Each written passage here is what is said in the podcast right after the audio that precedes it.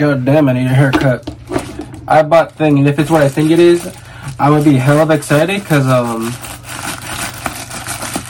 I'm a big ass uh, fan of the Flash. Oh fuck, yes, yes.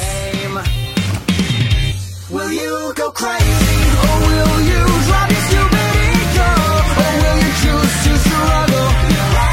Yeah, and it's like official movie uh, tie-in. It's like so fucking cool. I read a little bit of this um online, and I instantly wanted and like I pre-ordered this so fast. Because like I grew up like growing up it was Batman, The Flash, Spider-Man, and Iron Man for me. For uh, comic book shit. And like oh my god I can't wait to read this. Because I just I'm about to be finished with the Spider-Man comic I got in my last video. So yeah I'm so fucking excited. Because oh where is it where is it where is it where is it where is it where is it where is it? Because it shows that in this comic that he gets his uh, Snyder suit destroyed and that he gets his new one from where is it? Okay.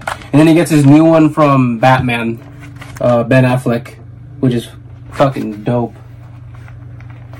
I think they explain why he's like speed is his lightning is yellow or orange or whatever you want to call it in this, but I haven't found that yet.